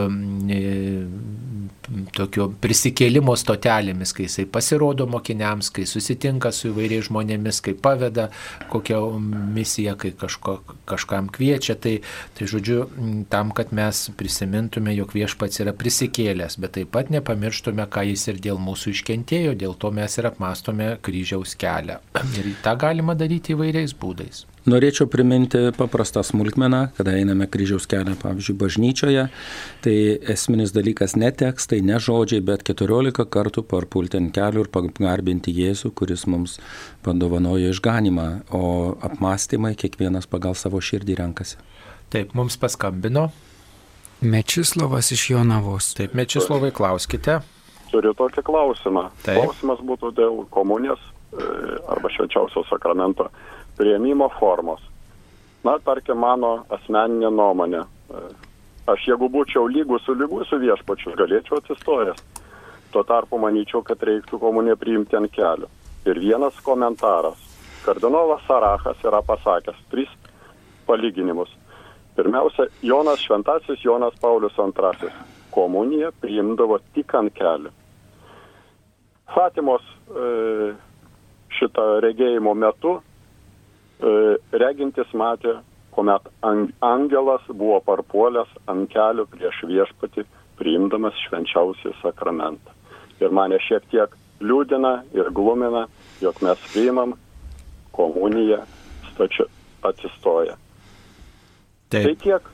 Ačiū, ačiū už jūsų tokį e, pagarbų mm, artinimąsi prie švenčiausio sakramento. Taigi tokios galimybės yra mm, šventose mišiose, tik tai galbūt reikėtų e, štai tiems, kurie nori priimti atsiklaupę švenčiausiai sakramentą, tą daryti mm, tiesiog visoje toje eilėje paskutiniais, kad reiškia po jūsų nebūtų tam tikros stumdymosi. Tai tas įmanoma, kad žmogus prieina, atsiklaupia, bet e, ko- kol kas įmanomi ir kiti būdai. Tai žinoma, tos pagarbos gal tokios išorinės yra daugiau, bet e, tai yra išorinis dalykas, o turbūt da- daug esmingesnis ir svarbesnis vidinis pasiruošimas, kad būtų mano sąžinė be nuodėmės, kad aš pagarbiai laikyčiausi, kad aš nesmerkčiau kitų, pavyzdžiui, kurie galbūt kitų būdų priima, kad aš neniekinčiau kitų, ne- neįžeidinėčiau, ne, ne, kažkaip nesielgčiau iššaukiančiai, kitus piktindamas, smergdamas, niekindamas. Ta, va čia turbūt esminis klausimas yra dar gal svarbesnis negu ta, ta, ta išorinė laikysena. Na, Jonas Paulius II, jisai mm, tokią pagarbą galėjo ir kiti šventieji tokią pagarbą išreikšdavo. Tai čia priklausomai turbūt nuo daugybės dalykų, nuo sąlygų, nuo aplinkybių. Jeigu tik nuo to priklausytų, reiškia, tikėjimo gilumas ir šventumas, tai turbūt tikrai visi, visi pritartume tam, bet dėja ne tik nuo to priklauso. Noriu priminti, kad e, aukodamas šventasias mišes, celebrantas, ar tai būtų popiežius, ar kunigas, nesiklaupia priimdamas komuniją. Jis priklaupia e, savo laiku, bet priima stovėdamas. Tai, tai Jonas Paulius priimdavo komuniją atsiklaupęs tik tada, kai lygos patale, pavyzdžiui. Tai, bet kaip kunigas aukojantis mišes, jis negali klūpėdamas priimti komuniją. E, reiktų dar smulkmeną tokią iš gyvenimo suvokti. E, Pavyzdžiui, per e, santuoką labai dažnai jaunikis neša jaunąją e, ant rankų. O iš tikrųjų, iš tikrųjų reikėtų nešioti visą gyvenimą, o ne tik tai santokos dieną. Tai vat katalikų bažnyčioje komunijos prieimimo atžvilgiu yra nurodžiusi tokią nuostatą, kad mes turėtume priklaupti arba atsiklaupti, paklūpėti ir išpažinti Jėzų kaip Dievą švenčiausiame sakramente, šventose mišiuose, nors vieną kartą. Yra žmonių, kurie to nedaro, mano nuostabai. Va. O pats prieimimo momentas nėra pats svarbiausias dalykas. Yra labai svarbu visas mano gyvenimas po to, kaip aš elgiuosi. Aš jeigu priimsiu atsiklaupęs, o po to e, tuoj pat užmiršiu, tai viešpats Jėzus nebus tiek pagerbiamas, kiek mano nuostata visada bus nuolanki ir priimsiu kiekvieną žmogų su meile, kaip Jėzus moko. Taip, ačiū. E, Dar viena žinutė apie, e, mm, taip, žinutę paliksime toliau, mums paskambino, kad nereikėtų klausytojų laukti, tai dabar e, išklausysime jo klausimą. Paskambino Danutė iš druskininkų. Taip, Danutė, garbėzui Kristui. per amžius amen ir Mariją šlovinsim. Taip, E, Na, mano krikšto tėvai, tai brolis ir sesuo, bet jie buvo prie pranciškonų ordino tretininkai, abu du. Ir taip ir tebe nugyvenau gražiai. Ir sutvirtinimo sakramento mama taip pat tretininkė. Taip pat. Ir, o, pavyzdžiui, jeigu, na, įsivaizduokim, aš norėčiau, vat, norėčiau būti taip pat tokia. Tretininkė. Ką reikia, Jo. reikėtų padaryti? Kitaip nebe, ten, žinot, jau.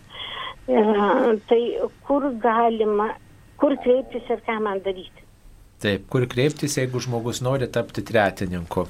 E, Pagrindinis rūpestis e, Šventojo Pranciškaus ordinuose yra Šventas Pranciškus įkūręs tris ordinus.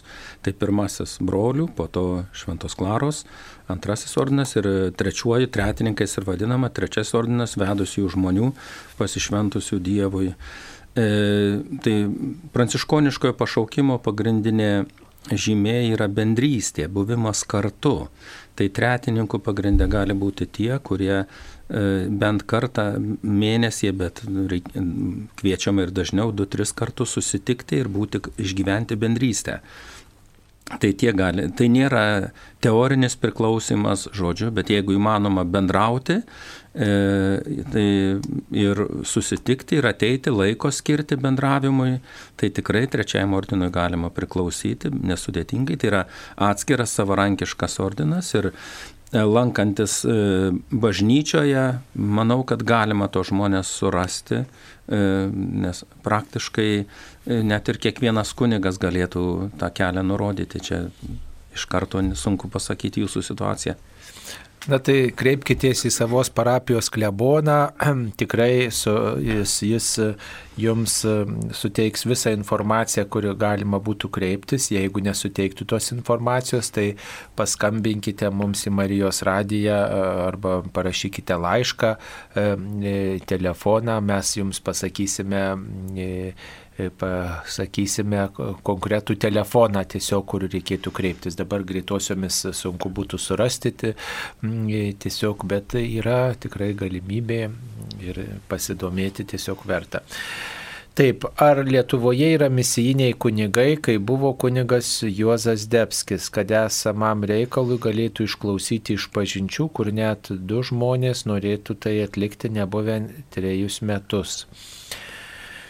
Na tai misijiniai kunigai, tai kur vyksta į misijas, tai turbūt bet kuris kunigas, jeigu tik tai turi laiko, turi, turi galimybių, gali tapti tuo misijiniu kunigu, vykti kažkur, patarnauti žmogui nebūtinai esančiam jo parapijoje, jo bendruomeniai. Tai tokį reikia tiesiog kreiptis į bet kurį kunigą, tiesiog ir prašyti jo patarnavimo ir jis gali vykti kažkur arba bent jau, kur jūs žinot, kur tie žmonės yra, galbūt yra jų aplinkoje kažkoks kunigas, kur nereikia net ir ją toli vykti, kad ir iš tos aplinkos žmogus gali, kunigas galėtų štai nuvykti pas to žmonės. Matot, kunigas Jozas Debskis vykdavo ten, kur kiti kunigai nevykdavo ten, pavyzdžiui, į Rusijos gilumą, tolimos šalies gilumą, kur žmonės atlikdavo karinę tarnybą, pašaukti vyrukai, tai ten jau nėra jokio kito kunigo ir nieks kitas kunigas ten nenuvažiuos, o jisai vykdavo.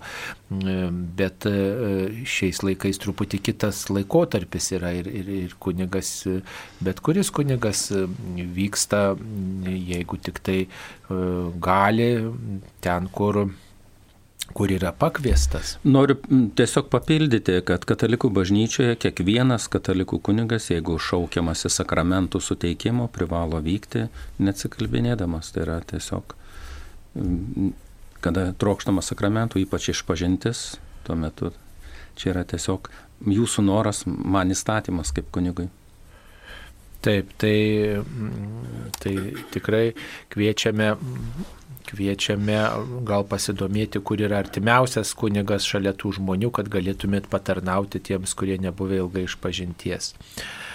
Kaip reikia kalbėti tėvę mūsų, reikia sakyti gale amen. šventose mišiuose, kai kalbame tėvę mūsų, amen nėra sakoma, nes kunigas tą maldą pratęsia specialia tokia invokacija, pratęsia, to mišiuose nereikia melstis, bet kai melžiamės tėvę mūsų, pavyzdžiui, poteriuose, kalbėdami poterius, tėvę mūsų, sveika Marija, tai gale amen pasakome. Aš drįščiau dar papildyti, tai amen šiuo atveju yra gimtos Marijos, mergelės Marijos gimto, gimtoji kalba ir aramėjų kalba ir ta žodis reiškia taip patvirtinimą ir todėl kiekvienos maldos metu yra panašiai kaip po dokumentų mes rašome parašą, patvirtindami, kad žinome, kas tame dokumente parašyta ir patvirtinam jo turinį, taip ir po kiekvienos maldos ištartas amen yra patvirtinimas samoningas, kad aš jungiuosi visų savo gyvenimu prie tų maldo žodžių.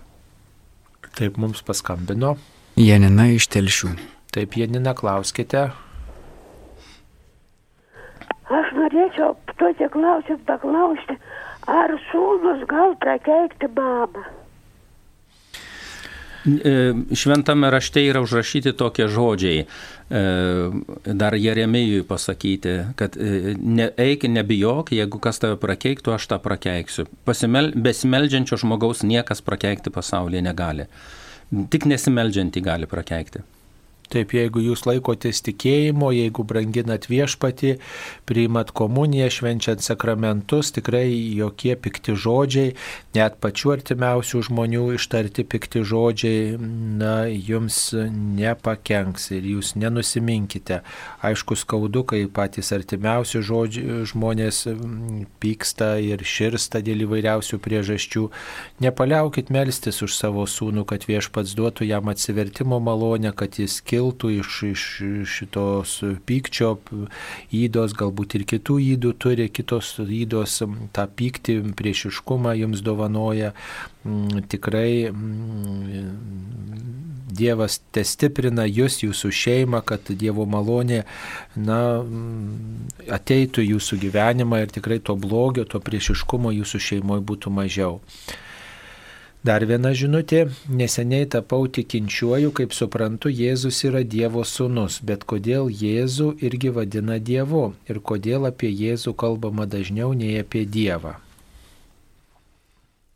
Na tai aš ir tėvas esame viena, Jėzus yra e, pasakęs ir Jėzų vadina Dievu dėl to, kad jis toks ir, yra e, Dievas.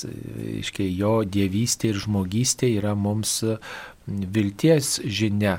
O kodėl apie Jėzų kalbama dažniau nei apie Dievą? Dėl to, kad Jėzus prisijėmė e, žmogystę ir mus veda pas Dievą. Jis yra kelias, jis pasakė, aš esu kelias, tiesa ir gyvenimas, niekas nenueina pas tėvą kitaip, kaip tik per mane. Tai mes laikydamiesi Jėzaus, ją melsdamiesi, su juo palaikydami ryšį, e, mes pas tėvą keliaujam teisingų kelių, atkreipiam dėmesį, kad net ir mūsų poteriuose yra e, vis dėlto yra į tėvą kreipiama, bet, pavyzdžiui, tėvė mūsų malda yra apie tė, Dievą tėvą, bet jos išmokė Jėzus. Tai su Jėzumi mes kartu einam pas tėvą ir, ir Jėzaus laikydamiesi mes tikrai atrasime Dievą tėvą. Ir žinot, nepamirškit, kur yra viena švenčiausios trejybės asmo, ten yra ir visi kiti dalyvauja ir jų, jų artumą galim kažkokiu būdu išgyventi. Švenčiausios trejybės turim neužmiršti. Viešpats Jėzus atskleidė savo prigimtį, kad Dievas yra švenčiausioji trejybė - tėvas, sūnus ir šventoji dvasia. Mes tai žodžiais esame krikštyjami, tai žodžiais atnaujinam, kiekvieną kartą persižegnodami prieš kiekvieną įvykį atnaujinam ryšį su švenčiausia trejybė, o Dievą tėvą ir šventąją dvasę matyti mums sudėtingiau, nes jie neturi konkretaus mums žmogiškai pažįstamo veido. Ir Jėzus sako, kas matė mane, matė tėvą. Tai reiškia, mes turime pažinti tą dvasę, kvietimą, buvimą, nes niekuomet švenčiausioji trejybė nebūna uh, atskirai. Ten, kur vienas asmuo yra ir kiti du asmenys. Tai reiškia, Dievas visur dalyvauja kartu. Tik tai mes žmonės, kad lengviau mums būtų suprasti, esame išskirstę. Reiškia, Dievui tėvui priskiriame kūrimą, e, sūnui atpirkimą, šventai dvasiai pašventinimą bet tai veikia visur tas pats Dievas ir mes kreipdamiesi į vieną asmenį kreipiamės ir į kitą.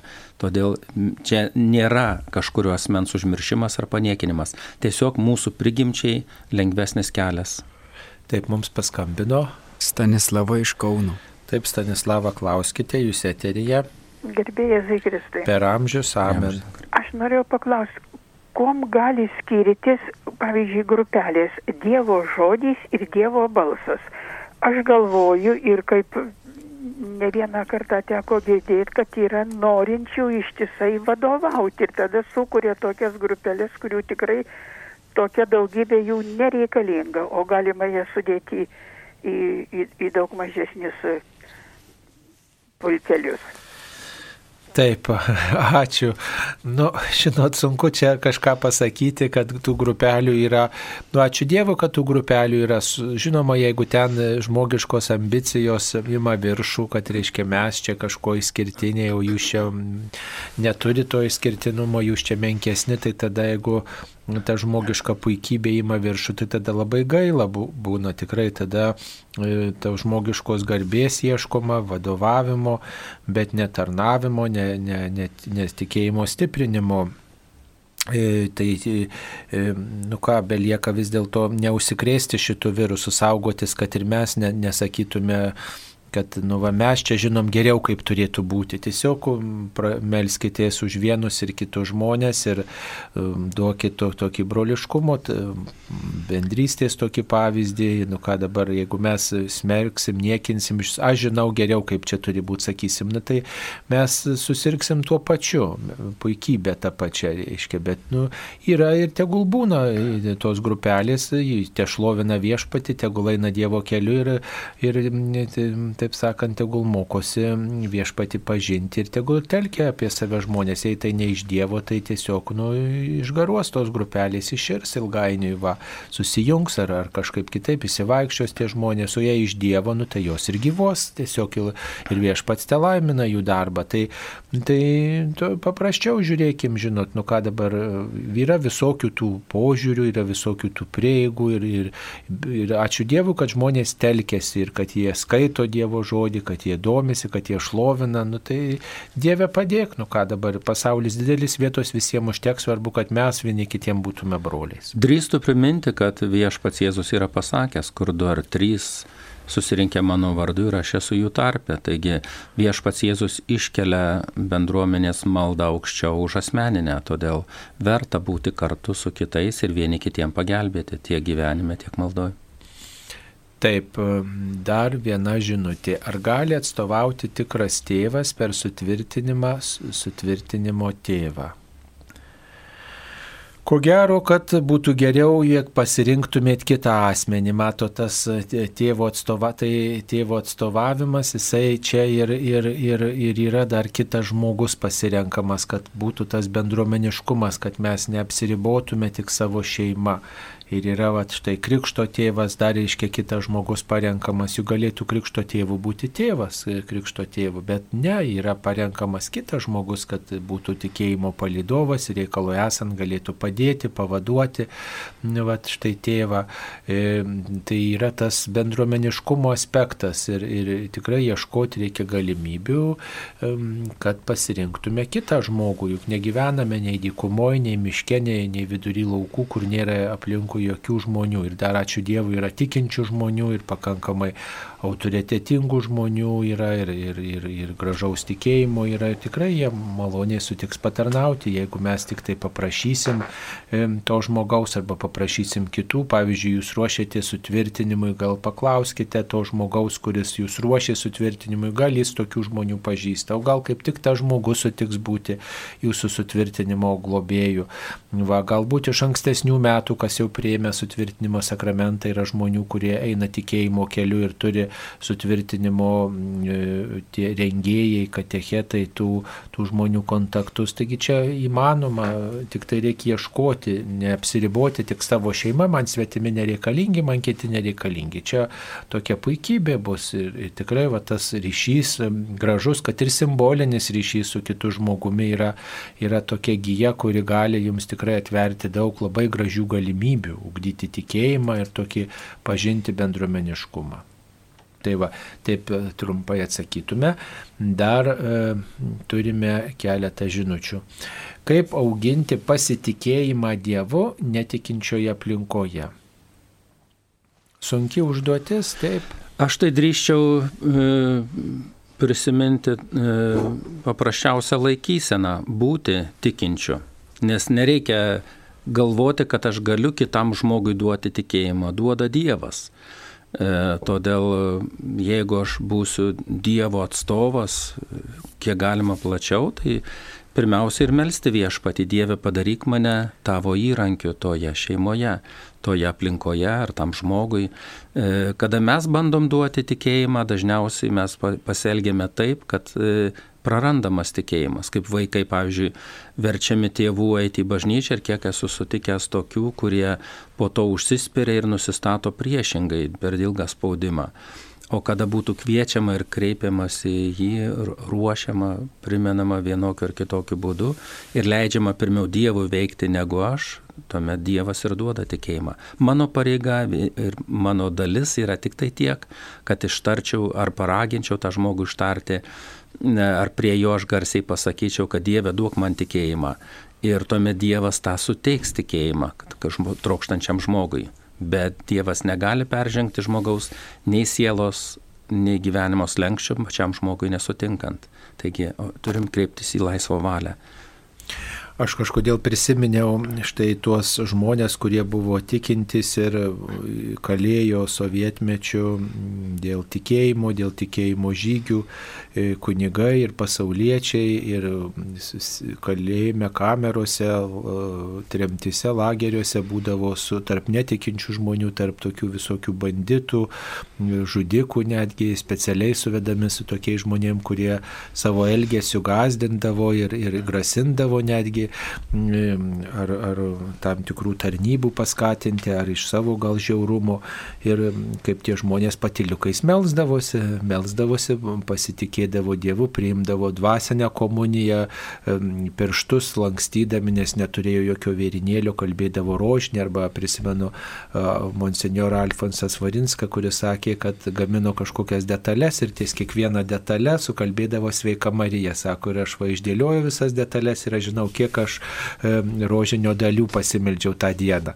Tai, tai va tiesiog tokiu būdu šauktis Dievo taip, kaip jūs mokate ten, kur jūs esate, o Šiaip tai dabar yra visokios galimybės, juk žiūrėkit, mes galim sustiprinti savo tikėjimą ir netgi nuotoliniu būdu jungdamiesi į visokias maldos grupelės ir, ir, ir, ir, ir štai paskaityti ir šventą raštą galima ir, ir, ir net per ausines klausytis Marijos radijo, pavyzdžiui, galima kažkokios laidos ir, ir, ir vis dėlto ir skaityti vieną ar kitą knygą tikėjimo Čia ir yra jūsų, jūsų turbūt kryžius, jūsų išbandymas, bet ir kartu palaiminimas jums vis dėlto būti liudytoje ir kartu, kartu stiprinti tikėjimą kūrybingai. Vat labai gražus žodis yra tikėjimo kūrybingumas, kurį, kurį dažnai kartuoja ir popiežius Pranciškus būti kūrybingais tikėjimo kelionėje.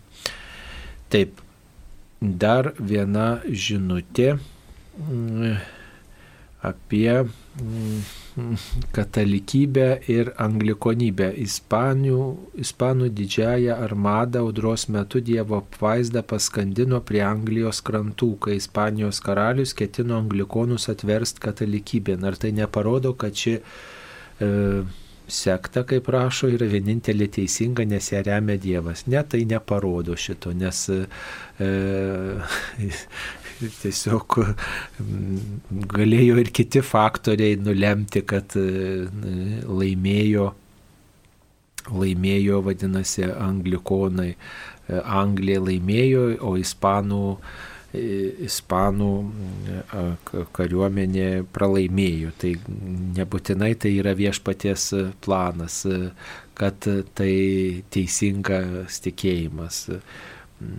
Tai mato, šitaip interpretuodami tikrai mes mm, galime prieiti ir klaidingų išvadų. E, tai pastatyti klausimą, žodžiu, reikėtų žiūrėti kitaip. Vis dėlto anglikonų bažnyčios galva yra valstybės vadovas, kuris vis dėlto na, yra politinė figūra, va, bet ne, neturi tokio religinio matmens, tokios dimensijos, kaip pavyzdžiui, katalikų bažnyčios vadovas yra popiežius, bet popiežius yra švent apaštalo Petro įpėdinis, ne tai yra Jėzaus valia išrinktas žmogus tu esi Petras, o ant tos uolos aš pastatysiu savo bažnyčią ir pragaro vartai jos nenugalės, Jėzus pasakė. Tai, tai štai va, tas autoriteto skirting, skirtingumas čia yra ir, ir, ir lyginti, kad viena kariuomenė nugalėjo kitą, tai yra teisinga, tai toks būtų truputį supaprastinimas. Dar vieną žinutę turime nuo vaikystės visą gyvenimą bijau būti viena tamsoje namuose. Bet jeigu sukrebžda naktį kažkoks garsas, skrūpteliu, atrodo, galbūt kažkoks miręs yra kažkur. Ar tai psichologinis dalykas, ar gali būti tai kokiu nors nuodėmių pasiekmės. Tai aišku, kad pirmiausia tai yra psichologinis dalykas, turbūt vaikystėje, kokios ten gali būti didelės nuodėmės, nebent jūs tikrai kažką, kažką buvot padarius tikrai, bet vaikystėje, vaikystėje paprastai tos nuodėmės nėra jau tokios labai baisios, jo labiau jeigu jūs dabar visą gyvenimą einat iš pažinties, išpažįstate, tai tos nuodėmių pasiekmes neturėtų jūsų varginti. Tiesiog norėčiau papildyti, kad labai svarbu mūsų kasdieniam gyvenime tai, ką mes sureikšminam, į ką daugiau kreipiam dėmesį. Todėl natūralu, kad baimė, kuri kyla dėl rimtos priežasties, jinai yra teisinga.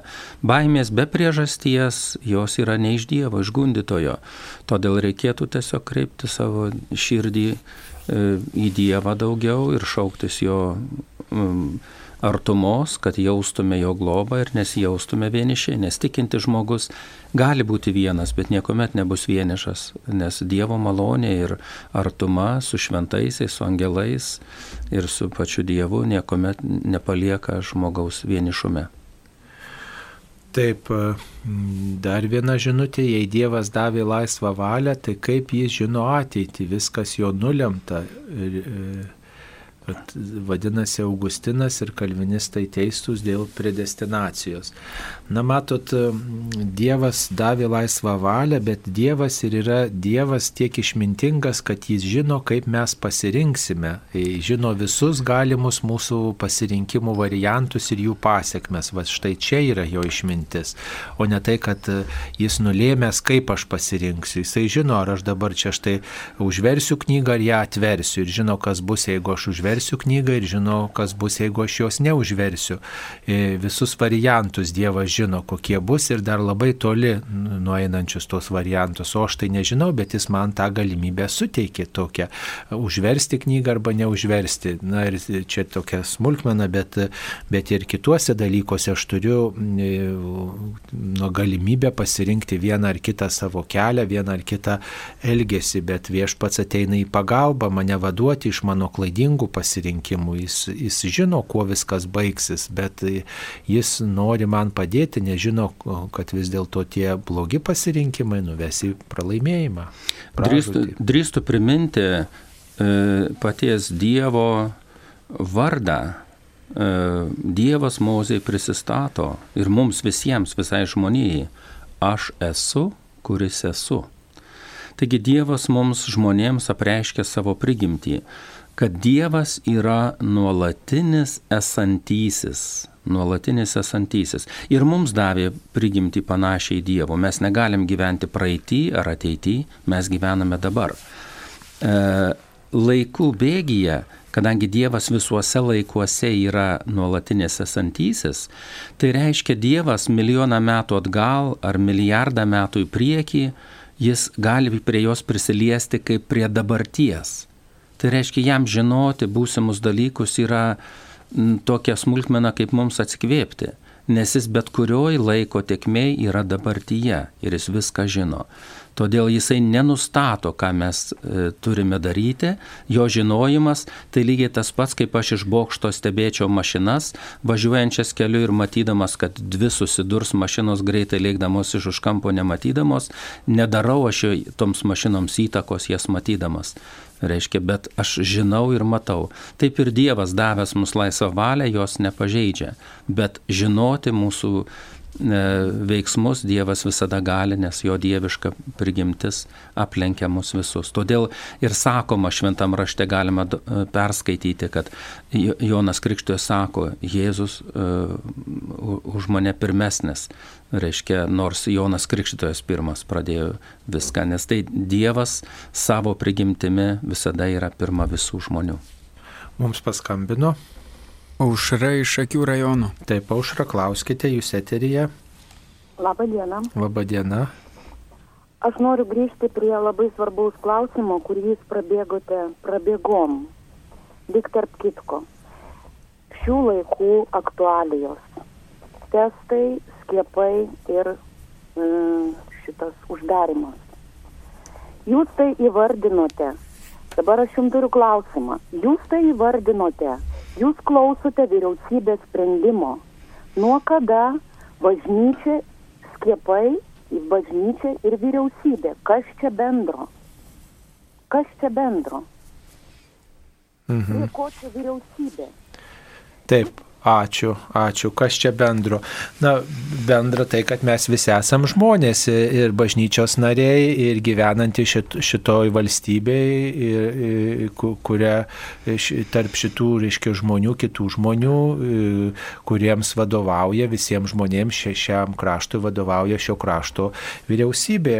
Valstybė, bažnyčios gyvenimas, taip jis sakramentų teikimas ir vadovaujasi savo, savomis taisyklėmis, bet žmonės tai yra na, šios valstybės piliečiai ir valstybės vyriausybė štai priima e, tokias rekomendacijas, pa, pasak, parodo, paliūdė, kad štai skiepų prieimimas yra viena tokia galimybė ir tai yra kitose šalyse analogiška situacija, na tai e, žmonės yra laisvi, niekas prievarta juk neverčia priimti tuos e, skiepus ir, ir darytis tuos testus, tiesiog yra vardėjami argumentai kokiais argumentais remiantis tai daroma ir tiesiog, na, kurie atsiliepia, tie žmonės priima tuos, tuos skiepus ir specialistai sakė, sako, kad tai yra pats veiksmingiausias būdas tą pandemiją suvaldyti, tiesiog taip, o dėl uždarimo tai čia prieimė sprendimą bažnyčių,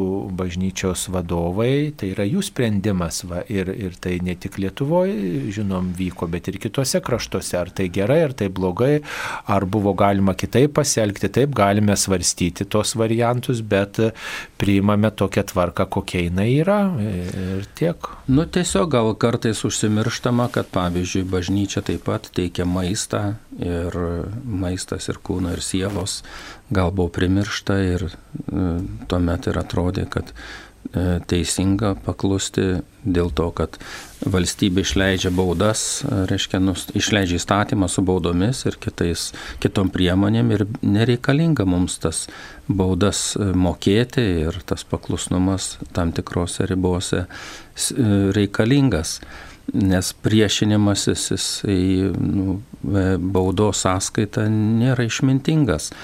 O ten, kur nėra baudų rašoma, tai reiškia akivaizdu, kad aš turiu pilną teisę pasirinkti. Ir reikia pažinti daugiau tos dalykus, e, studijuoti ir apsispręsti teisingų kelių.